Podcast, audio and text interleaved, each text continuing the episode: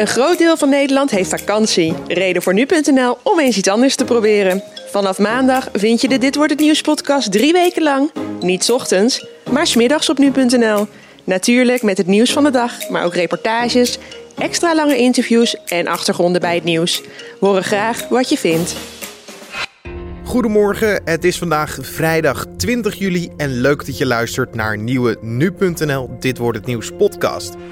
Mijn naam is Carne van der Brink en ik praat je deze ochtend weer bij over het nieuws van afgelopen nacht en natuurlijk ook wat er vandaag gaat gebeuren.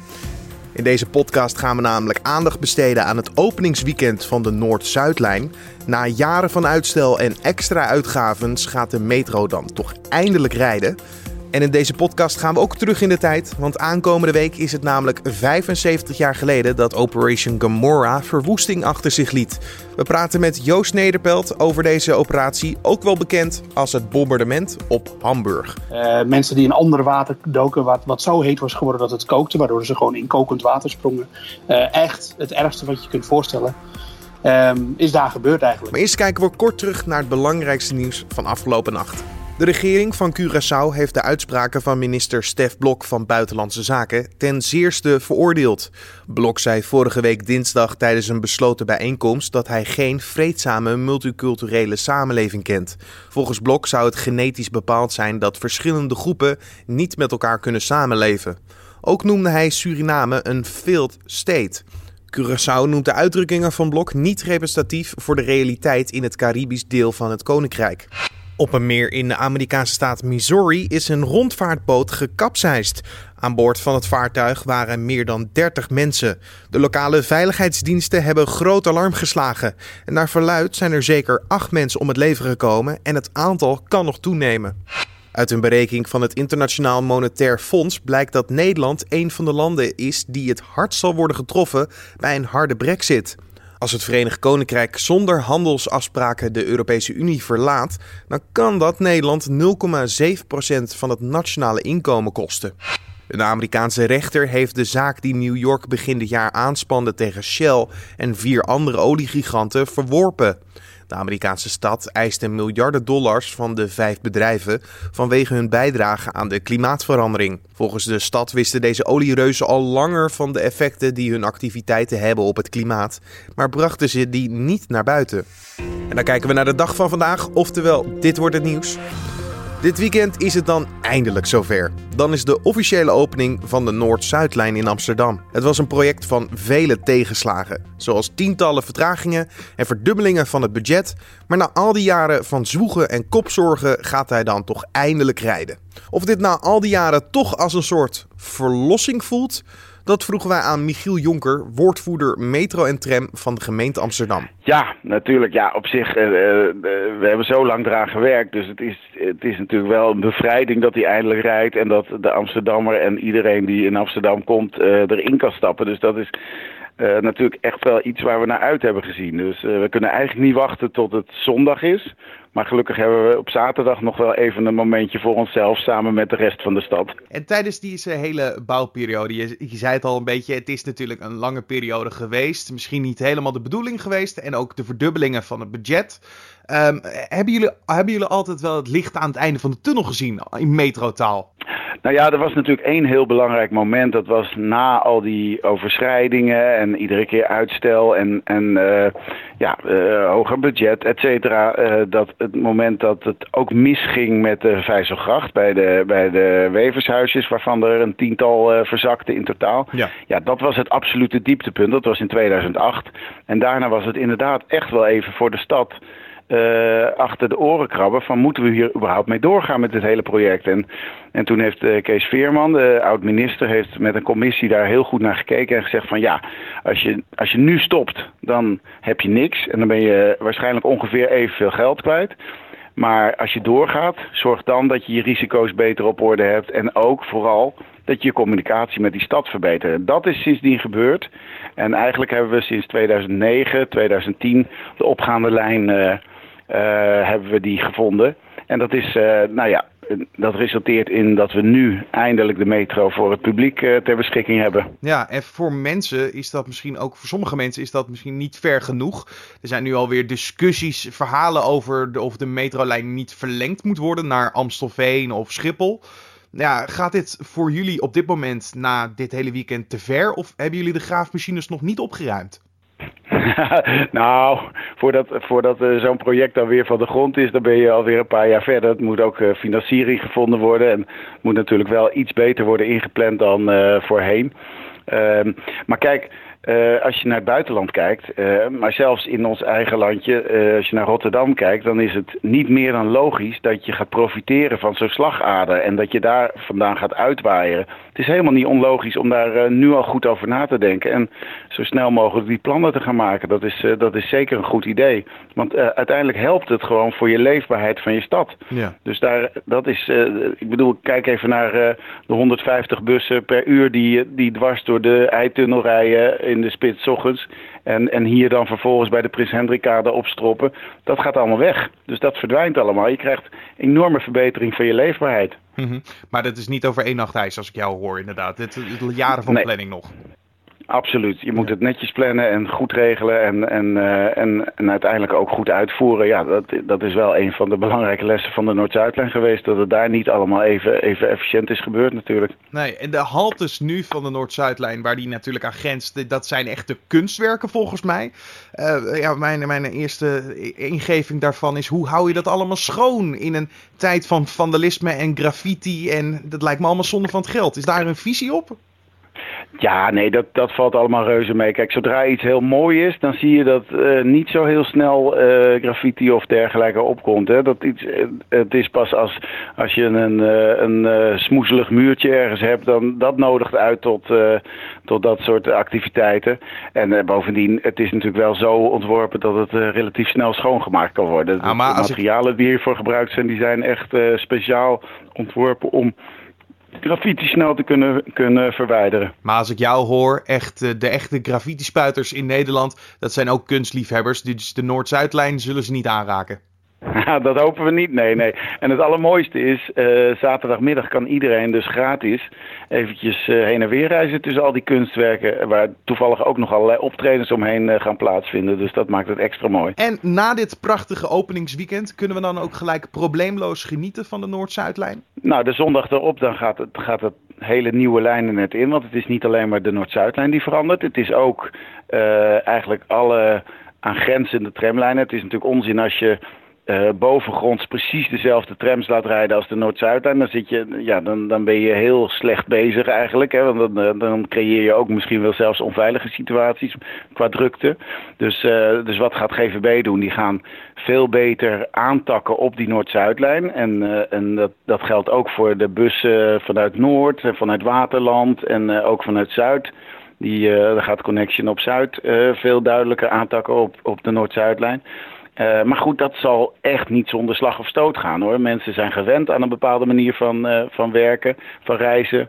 En, uh, en dan krijg je natuurlijk dat het toch echt wel even wennen wordt. Um, dus het zal, het zal ongetwijfeld hier en daar misgaan de komende weken. Maar ik verwacht wel dat na een bepaalde periode, dat als men eraan gewend is, iedereen er toch wel heel erg blij mee wordt. Jorde Michiel Jonker, woordvoerder metro en tram van de gemeente Amsterdam. En zaterdag kan je de opening live volgen op NPO 1. En je kan ook nog je aanmelden voor een gratis ritje. Dat kan je doen op wijnemenjemee.nl. Het is vrijdag, dat betekent het is bijna weekend. Nog even aftellen. En niet zomaar een weekend kan ik je zeggen, maar een weekend vol met nu weekendstukken. Elke week gaan de nu.nl-redacteuren op zoek naar de achtergrond van het nieuws, opmerkelijke trends of bijzondere gebeurtenissen. In dat rijtje hoort zeker de herdenking van Operation Gomorrah, misschien beter bekend als het bombardement op Hamburg van 1943. Volgende week is het namelijk precies 75 jaar geleden dat de Britten deze actie ondernamen. Alleen, wat is er tijdens deze operatie gebeurd? Mijn vraag dus, gaat er al een belletje rinkelen? Zo niet, Gelukkig hebben we dan nu.nl-redacteur Joost Nederpelt in huis. Hij kan ons alles vertellen over deze operatie. Ja, Hiroshima kennen er veel mensen wel. Ehm, maar Hamburg, uh, ja, dat is, is eigenlijk de dodelijkste luchtaanval geweest tijdens de Tweede Wereldoorlog uh, in Europa. Um, dus Hiroshima, daar vielen nog meer doden bij. Dat gebeurde bovendien in één dag met één bom. Uh, dat was in Hamburg niet zo. Daar uh, deden uh, op de nacht van 27 of 28 juli 1943 deden er bijna 800 Britse bommenwerpers mee aan die actie. Um, dat was een, het was trouwens een, een, een, operatie over meerdere nachten. Dus twee nachten daarvoor was er ook al een aanval geweest. Die was niet zo dodelijk. En ook na de dodelijke aanval van 27 op 28 juli was er een aanval. Um, en daarna nog één, alleen die ging uh, door uh, verkeerde weersomstandigheden ging dat helemaal mis. Dus toen kwam het niet van tot zware bombardementen. Maar de focus ligt eigenlijk toch wel op de nacht van 27 op 28 juli 1943. Dus komende week 75 jaar geleden. En, um, en uh, ja, mensen die, die, die, het geen belletje doet rinkelen, die zouden het eigenlijk wel moeten weten. En, en daarom heb ik dit stuk geschreven. Ja, en kan je vertellen wat er dan, je zei altijd, het is een van de meest dodelijke. Het staat volgens mij op de eerste plek van de, de top 10 qua luchtaanvallen, qua dood dodelijkheidsniveau. Uh, ja, in Europa, staat, ja. staat het echt op nummer 1 positie. Uh, ja. Maar hoe, hoe, ging het in zijn werk? Welke bommen gebruikten ze en welke kant hebben we het over? Nou ja, je moet het natuurlijk zo zien. Uh, 1943 was halverwege de Tweede Wereldoorlog. Um, Duitsland had nog steeds bijvoorbeeld Nederland onder, in bezit, zou ik bijna willen zeggen. België, Frankrijk. De invasie in Normandië moest nog komen. Um, de, de Sovjets aan de andere kant uh, waren nog niet in de buurt van, van Berlijn. Duitsland stond er wel slecht voor in de oorlog. Maar de Britten hadden op dat moment de, de tactiek aangenomen van het, ja, het platbombarderen van Duitse steden. Daar waren ze al even mee bezig. Keulen was bijvoorbeeld al aan de beurt geweest met een, een ja, dat noemden ze dan de, de aanval met duizend bommenwerpers. De duizend bommenwerpers gebruikten de Britten om Keulen toen aan te vallen. Maar die was niet zo dodelijk als die in, uh, in Hamburg. Uh, en dat kwam eigenlijk, het was, ja, je, kent het begrip the perfect storm. Alles wat moet gebeuren om iets tot een, tot een ja, gigantisch uh, effect te, te doen leiden. Dat, dat zat mee voor de Britten. Um, wat natuurlijk een beetje wrang is als je praat over iets waar in totaal al 43.000 doden bij vielen. Maar het was een, het was een, een hete nacht, midden in de zomer natuurlijk. Hamburg had ook nog veel houtbouw. Um, alle omstandigheden waren eigenlijk perfect. En de Britten die hadden een soort tactiek ontworpen om, om, om een stad zo goed mogelijk in brand te zetten. Ze gebruikten uh, eerst zware bommen om de, de daken van huizen af te blazen. En daarna gooiden ze van die, ja, dat heette dan incendiaries. Dat waren een soort van staven waar die zichzelf uh, die zelf ontbranden. Die gooiden ze er dan overheen, waardoor er op allerlei plaatsen branden, branden ontstonden. En ja, het, het doel was uiteindelijk om één grote brand te creëren. En dat, dat lukte in Hamburg. de zogenaamde vuurstorm.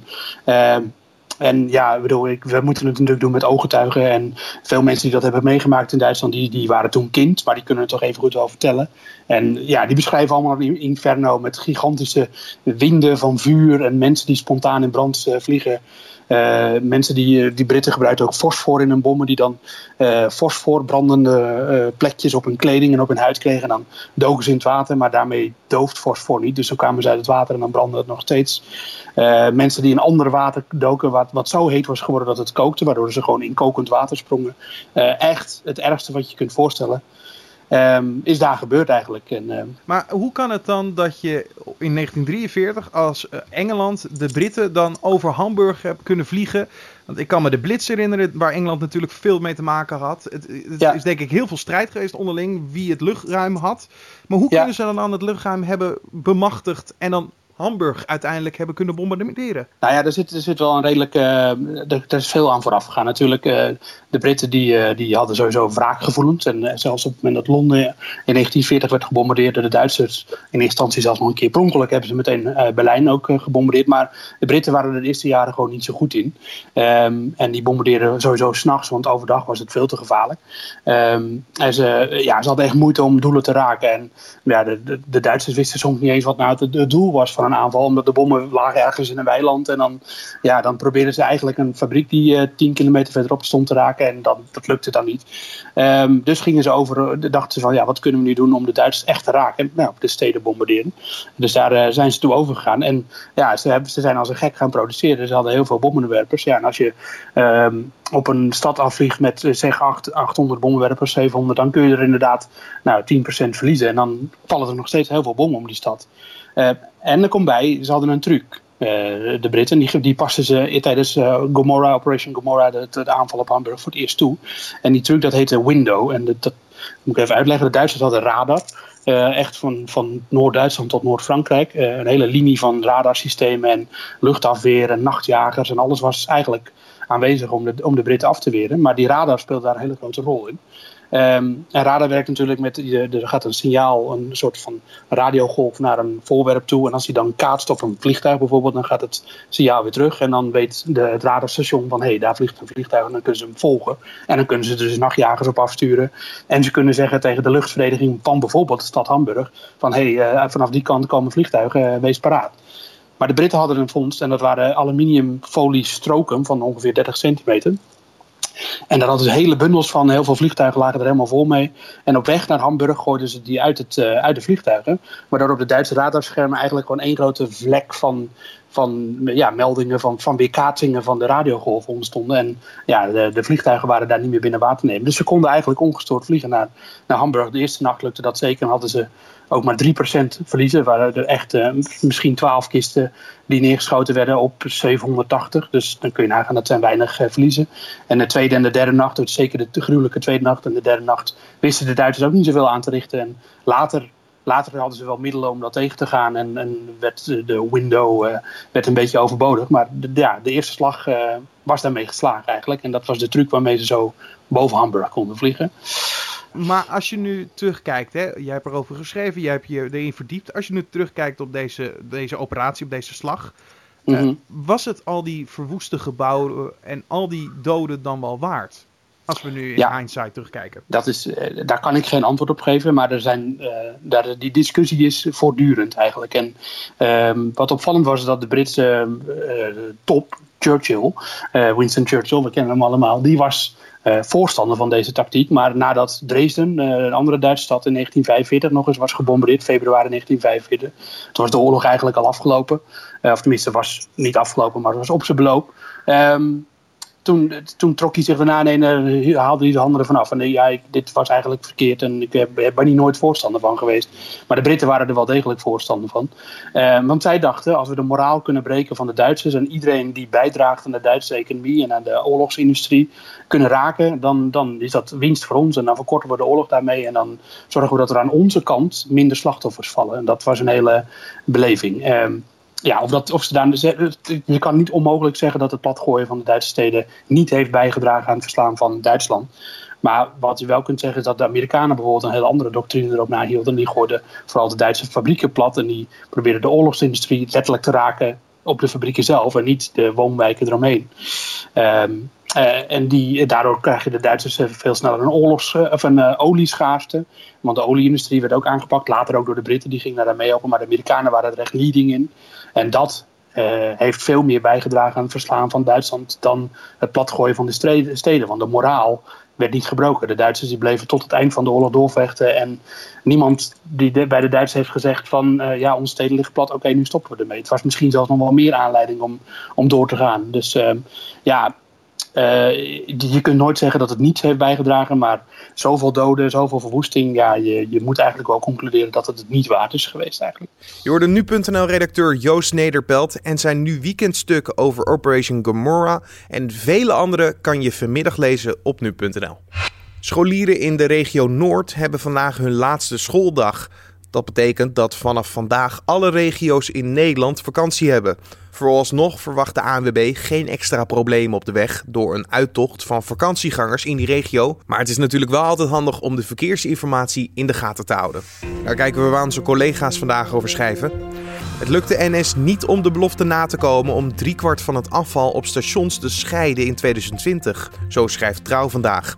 In 2015 tekende het bedrijf de Green Deal doelstelling met het ministerie van Infrastructuur en Milieu. Maar er is niet genoeg materiaal, zoals combinatiecontainers, beschikbaar om dit uit te voeren. Op elf grote stations staan wel twee kleurige afvalbakken waarin reizigers hun afval kunnen scheiden.